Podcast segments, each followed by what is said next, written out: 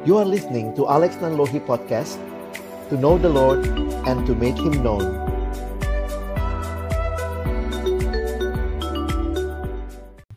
Selamat malam Bapak Ibu Saudara yang dikasihi dalam Tuhan Yesus Kristus Malam hari ini kita akan membahas satu tema yang menarik yaitu mengapa salib identik dengan kutuk. Bapak Ibu Saudara yang dikasihi Tuhan, ayat yang akan melandasi perenungan kita diambil di dalam Galatia pasal yang ketiga, ayatnya yang ke-13. Karena di dalam ayat ini juga dengan jelas muncul istilah salib dan kutuk seperti tema kita malam hari ini. Galatia 3 ayat 13, Kristus telah menebus kita dari kutuk hukum Taurat dengan jalan menjadi kutuk karena kita. Sebab ada tertulis, terkutuklah orang yang digantung pada kayu salib. Saya pikir bagi kekristenan ini satu hal yang sangat unik dibandingkan dengan kepercayaan yang lain. Simbol yang dipilih kekristenan ketika di dalam kira-kira abad kelima gereja memilih salib sebagai simbol. Dan ketika bicara salib, sebenarnya ini adalah alat hukuman mati pada waktu itu. Kalau kita membayangkan apa sih alat hukuman mati saat ini? Mungkin kalau kita lihat ada yang dihukum mati di tempat-tempat yang mengakui hukuman mati dengan pistol, dengan ditembak. Bapak Ibu Saudara bisa membayangkan kalau ada sebuah organisasi yang dibentuk dan memilih pistol sebagai uh, simbolnya. Demikianlah kita memahami kekristenan memilih salib menjadi simbolnya. Salib adalah alat hukuman mati, tetapi salib juga di dalam kekristenan menyatakan kemuliaan. Sehingga malam hari ini, untuk memahami tema ini, saya ingin mengajak kita merenungkan tiga kebenaran yang perlu kita pahami. Kita akan mulai dengan kebenaran yang pertama tentang salib yang juga adalah kemuliaan. Yang pertama, kalau kita melihat tentang salib ini, kita melihat tentang kematian yang mengerikan. Ini yang pertama yang bisa kita lihat, yaitu kematian yang mengerikan. Di dalam Galatia pasal 3 ayat 13 tadi dinyatakan terkutuklah orang yang digantung pada kayu salib. Dan kalau kita perhatikan ini merupakan kutipan. Bapak Ibu Saudara bisa melihat dinyatakan oleh Paulus sebab ada tertulis. Di mana bagian itu dituliskan? Bapak Ibu Saudara kita melihat referensinya ada di ulangan pasal yang ke-21 secara khusus ayat 22 dan 23. Apabila seseorang berbuat dosa yang sepadan dengan hukuman mati, lalu ia dihukum mati, kemudian kau gantung dia pada sebuah tiang, maka janganlah mayatnya dibiarkan semalam-malaman pada tiang itu. Tetapi haruslah engkau menguburkan dia pada hari itu juga, sebab seorang yang digantung terkutuk oleh Allah. Janganlah engkau menajiskan tanah yang diberikan Tuhan Allahmu kepadamu menjadi milik pusakamu. Para penafsir Alkitab juga melihat memang tidak secara langsung ulangan ini merujuk kepada peristiwa salib. Karena di dalam masa itu belum dikenal atau belum ada pola penyaliban sebagai hukuman. Tetapi yang dikaitkan adalah yang dituliskan di sini, janganlah membiarkan orang itu tergantung. Ya, kira-kira bagian ini yang menjadi bagian yang penting kita perhatikan. Seorang yang digantung terkutuk oleh Allah. Nah, Bapak Ibu Saudara yang dikasihi Tuhan, kemudian pada masa Kristus, maka kita melihat ada satu bentuk hukuman mati, yaitu penyaliban. Dan apa yang terjadi di salib juga seperti yang disampaikan bahwa akan ada orang yang tergantung di sana.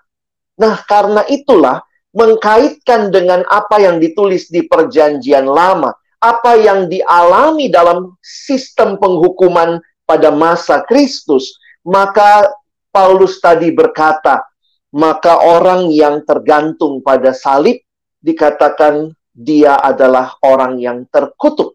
Terkutuklah orang yang digantung pada kayu salib. Sedikit latar belakang dari banyak hal yang mungkin bisa kita perhatikan tentang salib. Dalam sebuah bagian yang saya baca, dinyatakan bahwa salib adalah bentuk penghukuman bangsa Romawi yang paling kejam. Hukuman ini mulai dipakai oleh bangsa Roma kurang lebih 200 tahun sebelum kelahiran Yesus. Beberapa ahli mencoba meneliti dan melihat bahwa mungkin ini diambil juga dari kebiasaan penghukuman mati bangsa Sumeria yang dimodifikasi menjadi sebuah hukuman yang dengan sangat mengerikan dipakai pada waktu itu dengan dua tujuan. Yang pertama, bangsa Romawi memakai ini untuk mempermalukan bangsa lain. Dan yang kedua, tentunya sesuai tujuannya adalah menyiksa, membunuh secara perlahan-lahan.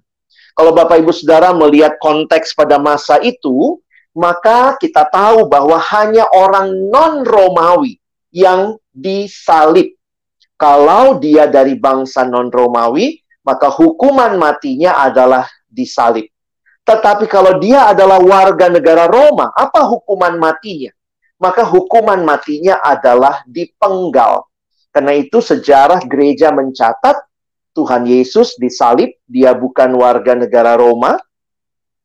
Paulus orang Yahudi, tetapi dia warga negara Roma sehingga di dalam sejarah gereja dicatat Paulus tidak disalib tetapi dipenggal. Bagaimana dengan Petrus? Petrus orang Yahudi dan bukan warga negara Roma dan sejarah gereja mencatat Petrus dihukum mati dengan salib dan waktu itu dia minta disalibkan terbalik. Terlalu mulia bagiku disalibkan seperti Tuhanku, kata Petrus. Salibkan aku terbalik. Bapak Ibu Saudara yang dikasihi Tuhan, mau dipenggal atau disalib, ujung-ujungnya mati. Tetapi penyaliban punya tujuan lain, yaitu juga untuk mempermalukan orang yang disalib itu yang berasal dari bangsa-bangsa lain. Dan itu juga adalah sebuah bentuk hukuman mati yang membunuh secara perlahan. Beda sekali dengan kalau dipenggal. Begitu kepala terpisah dari tubuh, orang itu mati. Tetapi penderitaan di salib itu sungguh mengerikan. Dalam sebuah catatan yang disampaikan oleh seorang teolog bernama Wayne Grudem, menjelaskan bahwa penderitaan Kristus di kayu salib berlangsung selama kurang lebih enam jam. Namun bayangkan, setiap menit dan detik tubuhnya menderita sakit yang amat sangat. Kematian di kayu salib merupakan hukuman mati kekaisaran Romawi yang diperuntukkan bagi para budak dan kriminal kelas berat yang bukan warga Romawi, seperti yang saya jelaskan tadi. Dengan kata lain, penyaliban merupakan hukuman mati yang terhina, terkutuk, sebab hanya diterapkan bagi mereka yang dianggap paling hina. Apa yang perlu kita pahami tentang penyaliban? Bagaimana orang yang disalib itu bisa begitu menderita? Maka kalau Bapak Ibu Saudara membaca di dalam Alkitab, sebenarnya ada kalimat yang mendahului penyaliban, yaitu dituliskan di Matius 27 ayat 26, lalu ia membebaskan Barabas bagi mereka, ini konteksnya Pilatus waktu itu, tetapi Yesus disesahnya, lalu diserahkannya untuk disalibkan. Memang ayatnya hanya menulis Yesus disesah, hanya dua kata, Yesus disesah. Tetapi ini merupakan sebuah proses yang biasa dilakukan sebelum penyaliban. Bayangkan kalau orang langsung disalib, langsung dipakukan di kayu salib, maka dia akan bisa bertahan lama hidup karena cuma tangan dan kaki yang dipaku. Tetapi ada sebuah prosesi sebelum penyalipan yaitu penyesahan. Seorang teolog bernama Leon Morris menuliskan penyesahan sama dengan pen, pencambukan. Dan ini pencambukan Romawi, Bapak Ibu Saudara sekalian. Dikatakan pencambukan Romawi itu adalah pencambukan yang sangat mengerikan dengan sebuah cambuk yang terdiri dari beberapa tali kulit, masing-masing diberikan potongan, potongan tulang atau logam. Itu bisa membuat punggung orang yang di, dicambuk itu menjadi seperti bubur, Bapak Ibu Saudara. Kalau kita melihat film Passion of the Christ, kita melihat bagaimana prosesi penyesahan yang begitu menderita. Jadi hukuman salib memang sangat terkutuk karena sangat mengerikan. Lalu orang yang disalib, setelah disesah dia akan memikul salibnya sendiri menuju tiang penyalipan. Jadi Bapak Ibu Saudara jangan pikir hanya Yesus satu-satunya orang yang memikul salib. Tidak.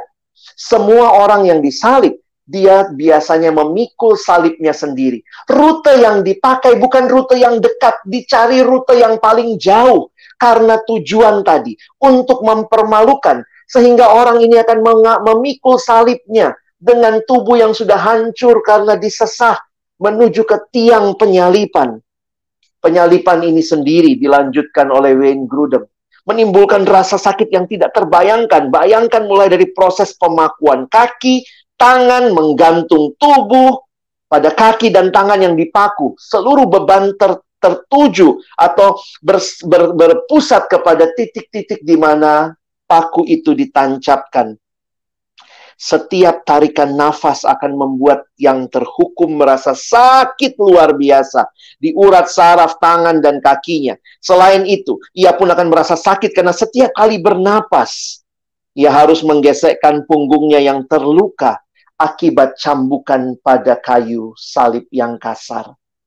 Sehingga kalau Bapak Ibu Saudara melihat gambar seperti ini, saya pikir ini sangat menunjukkan apa yang Yesus alami penyalipan merupakan kematian secara perlahan, biasanya karena kehabisan oksigen. Lengan yang direntangkan ke atas membuat orang sulit untuk mengambil nafas. Sehingga setiap kali bernafas ia harus mengangkat tubuhnya sedikit dengan menggunakan kakinya yang terpaku. Dan pada saat tubuhnya sedikit terangkat, otot-otot lengan akan sedikit lemas dan keadaan ini memudahkannya menarik nafas. Namun kemudian dia akan jatuh lagi untuk kemudian berjuang menarik nafas selanjutnya. Gerakan ini akan menimbulkan rasa sakit yang luar biasa. Sampai mati di kayu salib, Kristus dinyatakan mati ketika ditusukkan ke lambungnya. Biasanya orang yang disalib itu akan hidup berhari-hari meskipun dalam kondisi setengah mati dan rasa tercekik karena kurang oksigen. Itulah sebabnya serdadu Romawi biasanya mematahkan kaki terhukum supaya mempercepat kematian karena tidak bisa lagi bertumpu untuk mengambil nafas. Dalam kasus Tuhan Yesus, kedua kakinya tidak dipatahkan karena kematiannya relatif cepat. Tapi apa yang Bapak Ibu Saudara bisa lihat? Penderitaan Yesus di salib ini bukan cuma penderitaan fisik, bukan hanya penderitaan emosional tetapi juga penderitaan spiritual. Ketika dia berkata, "Ya Allahku, Allahku, mengapa engkau meninggalkan aku?" Ini kematian yang mengerikan. Tetapi yang kedua, ini juga adalah kematian yang menggantikan. Luar biasa di pasal 3 ayat 13 tadi, Bapak Ibu lihat. Menjadi kutuk karena kita. Seharusnya kitalah yang menanggung hukuman itu. Mari Bapak Ibu perhatikan dalam terjemahan yang lain, ayat ini menyatakan dalam terjemahan sederhana Indonesia. Mari kita perhatikan. Itu artinya kita semua terkutuk. Karena setiap orang gagal mentaati semua perintah yang tertulis dalam hukum Taurat. Tetapi Kristus sudah menebus kita dari kutukan itu. Perhatikan kalimat ini. Dia memberikan dirinya sendiri untuk menggantikan kita dan menanggung kutukan menurut hukum Taurat. Karena ada tertulis dalam kitab suci, terkutuklah orang yang mati digantung di tiang kayu. Bapak Ibu Saudara yang dikasihi Tuhan, hukum Taurat membawa kutuk. Kenapa? Karena hukum Taurat menyatakan kita berdosa. Apa yang dibawa oleh hukum Taurat? Hukum Taurat hanya menunjukkan kita berdosa dan kita harus dihukum. Dan Kristus menebus kita dari kutuk hukum Taurat. Dengan cara apa? Dia menjadi kutuk karena kita. Kematiannya menggantikan apa yang saudara dan saya harusnya alami. Hukum Taurat reveals our sin, but only Jesus can remove our sin. Dan terakhir, karena itulah kematian Kristus disalib yang mengerikan, tetapi juga ini yang penuh kemuliaan karena ini adalah kematian yang berkemenangan. Kadang-kadang kita pikir Yesus itu disalib kalah. Oh, dia kalah dengan maut, lalu nanti waktu bangkit dia menang. Tapi sebenarnya tidak demikian. Pendeta John Stott berkata, "We are not to regard the cross as defeat and the resurrection as victory." Salah kalau kita berpikir demikian. Karena justru di kayu salib itu kemenangan dialami. Perhatikan Kolose pasal 2. Dan itu ditiadakannya dengan memakukannya pada kayu salib. Dan ayat 15 ia telah melucuti pemerintah-pemerintah dan penguasa-penguasa dan memberikan mereka tontonan umum dalam kemenangannya atas mereka. Lalu bagaimana kita melihat kebangkitan? Kalau kematian Kristus adalah kemenangan, the cross was the victory won, and the resurrection, the victory endorsed, proclaimed, and demonstrated. Di kayu salib, apa yang kita lihat? Kemenangan Tuhan peroleh dan kebangkitannya justru menyatakan bahwa betul kemenangan itu telah diperoleh dan telah diproklamasikan dan didemonstrasikan. Sehingga salib yang adalah kutuk itu kini menjadi salib yang mulia bagi setiap kita yang percaya. Kemenangan kita ada di sana. Kiranya Tuhan menolong kita melalui masa-masa pasca ini. Prapaskah, Jumat Agung Pasca kembali mengingat bahwa dia mati menjadi kutuk karena kita supaya di dalam dia kita boleh beroleh kemenangan. Amin. Amin. Baik, terima kasih untuk Pak Alex yang sudah menjelaskan sedemikian rupa dan sangat jelas dan bukan saja menjawab pertanyaan mengapa salib identik dengan kutuk, tetapi lebih dalam daripada itu ada tiga, setidaknya beberapa hal yang tadi menjadi poin Salah satunya adalah ketika menjadi sebuah kemenangan ya untuk kita semua dan eh, kita semakin lebih dalam untuk mengerti. Nah, ada beberapa pertanyaan Pak ketika Ya, silakan. Kita tadi ya. Yang pertama begini Pak, ketika apakah eh, salah satu atau satu-satunya tempat di mana salib adalah tempat ada pengertian begini, salib adalah tempat di mana tidak ada lagi mukjizat tetapi untuk melaksanakan kehendak Allah meskipun dalam tanda kutip tadi ya salib itu kutuk pak. Iya, saya pikir kita harus melihat ceritanya secara utuh. Ketika Paulus menggunakan istilah kutuk, saya pikir dia sedang mau menggunakan permainan kata di situ untuk menyatakan sebenarnya apa yang dibawa oleh hukum Taurat. Hukum Taurat itu hanya membawa kutuk dalam pengertian hukum Taurat menjelaskan bahwa kamu berdosa dan karena kamu berdosa, kamu harus dihukum. Tetapi kutuk yang kita terima karena dosa, upah dosa adalah maut. Ketika Kristus menggantikan kita, dia yang jadi terkutuk bahkan dengan cara kematian yang tidak lazim, yang paling hina dan paling mengerikan sepanjang sejarah manusia, menjadi satu kutuk yang luar biasa, tetapi di dalamnya. Nah, tadi saya tidak baca, kalau Bapak Ibu lihat ayat 13-nya, Sesudahnya ada ayat 14. Di dalam anugerah Tuhan, keselamatan itu diberitakan bahkan juga kepada bangsa-bangsa lain. Makanya dituliskan melalui Abraham ya di ayat 14. Jadi kalau saya melihat kita mesti lihat the whole story-nya sih Pak. Supaya kita tidak hanya melihat wah ini mengerikan, ini kutuk, tetapi itu bukan akhir. Bagi kita yang percaya, cerita terakhir kita bukan selesai di salib. Bahkan kita melihat salib adalah kemenangan dan Kristus yang bangkit memberikan kita pengharapan untuk hidup yang baru. Hmm, baik, baik, baik. Apakah itu berarti begini, Pak? Hmm. Eh, bisa diluruskan atau jadi dikomentari, Pak. Ketika bicara tentang tadi ya, Yesus itu dijadikan terkutuk karena apa yang sudah dan yeah. kita sudah kita lakukan. Itu apakah itu berarti seolah-olah seluruh dosa umat manusia sepanjang zaman dalam bentuk apa pun, bahkan yang paling keji apa pun, seolah-olah Yesus yang melakukannya, Pak. Dan dia harus menanggung itu semua. Atau bagaimana, Pak? Iya, di dalam di dalam cara kita memahami, saya pikir memang juga uh, ini kan istilah teologis, Pak ya. Jadi saya melihat bahwa memang seluruh hukuman dosa, seluruh hukuman dosa yang yang dilakukan oleh manusia itu ditanggung oleh Kristus. Dan itu seperti yang saya katakan tadi, uh, agak sulit kalau kita mengatakan semua dosa dalam arti begini. Uh, Yesus kan tidak tidak melakukan dosa-dosa yang A, B, C ya. Dia tidak melakukan dosa karena itu dia tidak berdosa, tetapi hukuman dosa ditimpakan kepada dia. Saya pikir nanti kalau kita baca 2 Korintus 5 ayat 21, dia yang tidak mengenal dosa telah dibuatnya, nianya berarti Allah, menjadi dosa karena kita.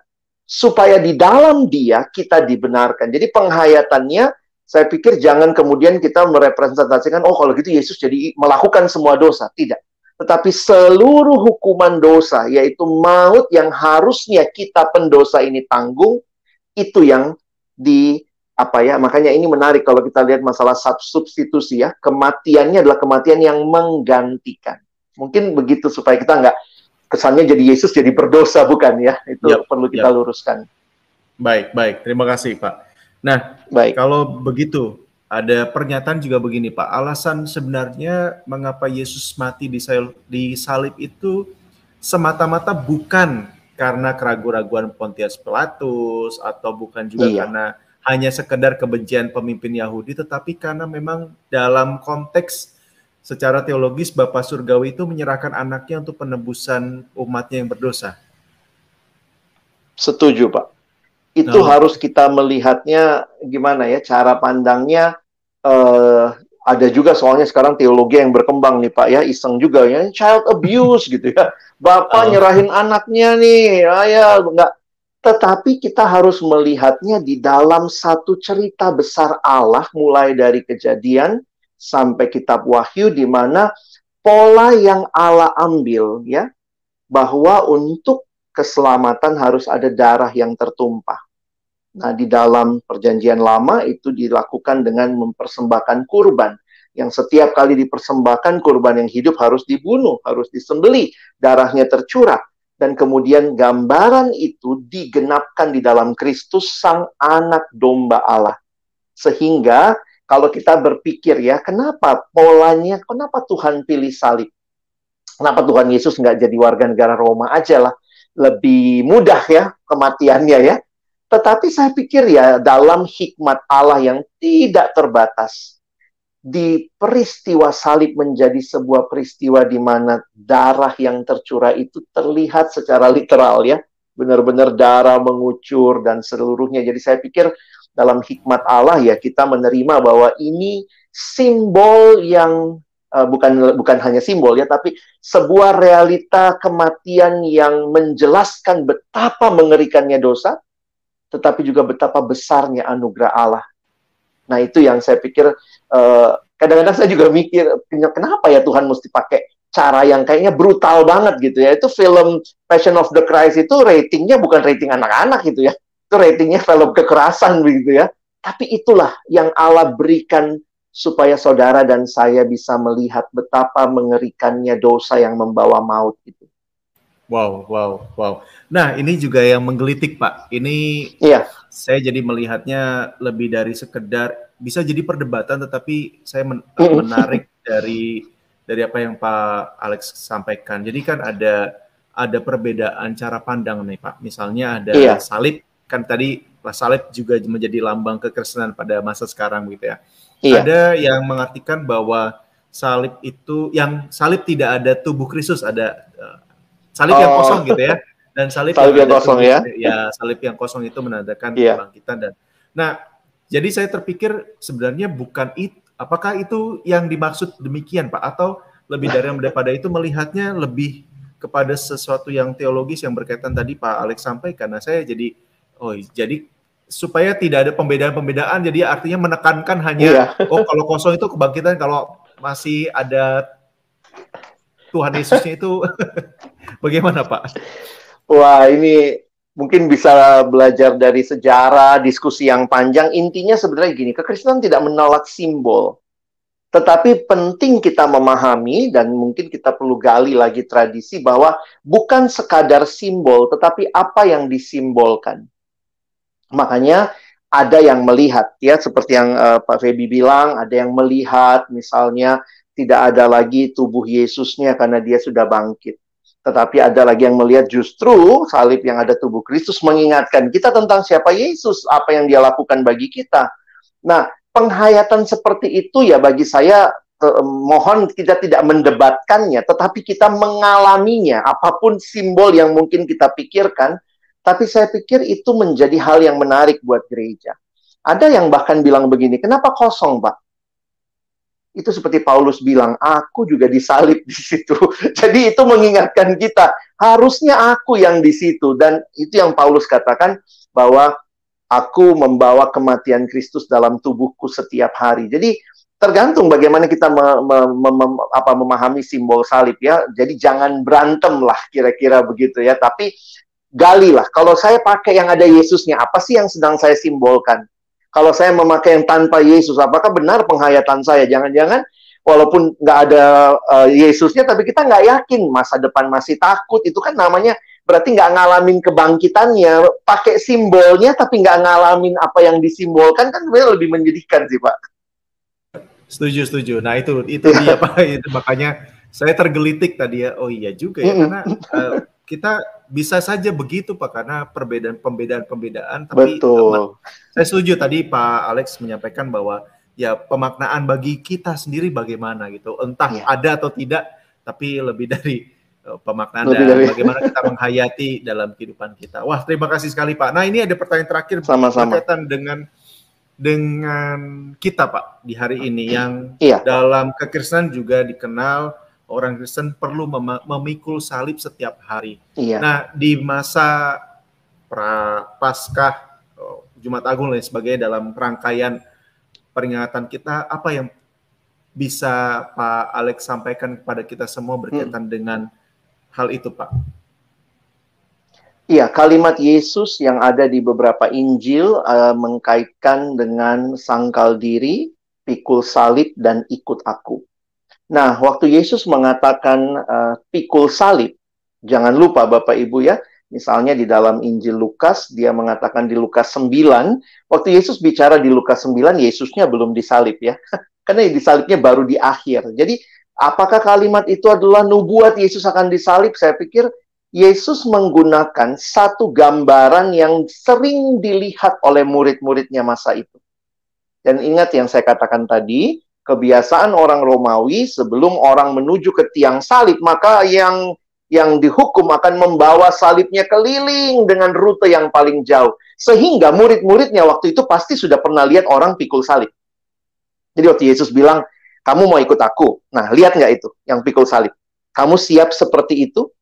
Nah, apa kira-kira yang disimbolkan? Kalau saya melihat Tuhan Yesus sedang menegaskan bahwa orang yang pikul salib itu cuma punya satu tujuan, mati gitu ya.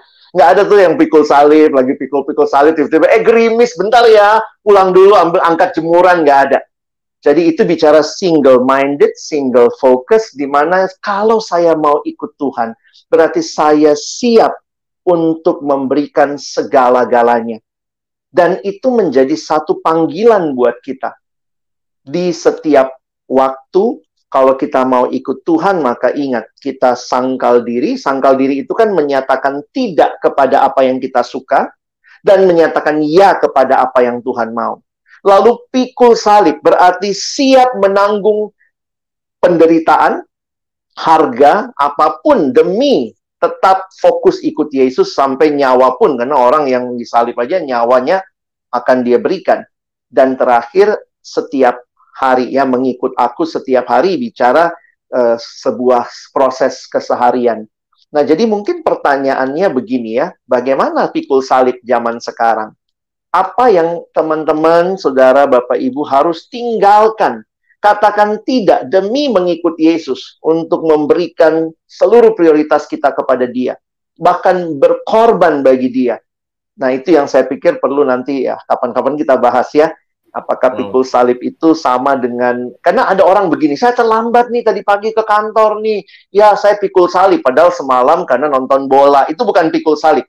Jadi mungkin secara sederhana saya jelaskan begini, pikul salib adalah penderitaan yang kita alami karena kita mengikut Tuhan. Jadi jangan semua hal yang kita alami kita bilang pikul salib, padahal bisa jadi karena kebodohan kita sendiri. Nah itu yang saya harus ingatkan. Wow, terima kasih. Terima kasih Pak Alex. Oh, ada yang terlewat pertanyaannya dari rekan. Oh iya, silakan. Ya, satu aja Pak, ini terakhir ya. Sebelum Baik. nanti silakan Pak Alex menutup dalam doa. Nah, ini pertanyaan okay. yang menggelitik juga dari dari Henry Suryadinata. Kenapa kalau salib terbalik? Ini hmm. tadi ya Pak Petrus begitu ya. Kenapa kalau salib terbalik malah digambarkan kutuk dan setan bagi beberapa orang, Pak? Simbol hmm. mungkin ya simbol. Iya. Iya, sekali lagi eh, gerakan-gerakan uh, tertentu menggunakan salib juga sebagai simbol. Nah, itu macam-macam tuh. Ada yang seperti Pak Henry bilang, ada salib yang uh, mungkin Bapak Ibu pernah lihat ada salib yang dipatahkan, lalu kemudian membentuk lambang seperti peace, ada salib yang dibalik begitu ya sehingga kesannya kakinya lebih panjang daripada kan kalau kita biasanya kan atasnya kecil, bawahnya yang panjang. Ini kebalik begitu ya.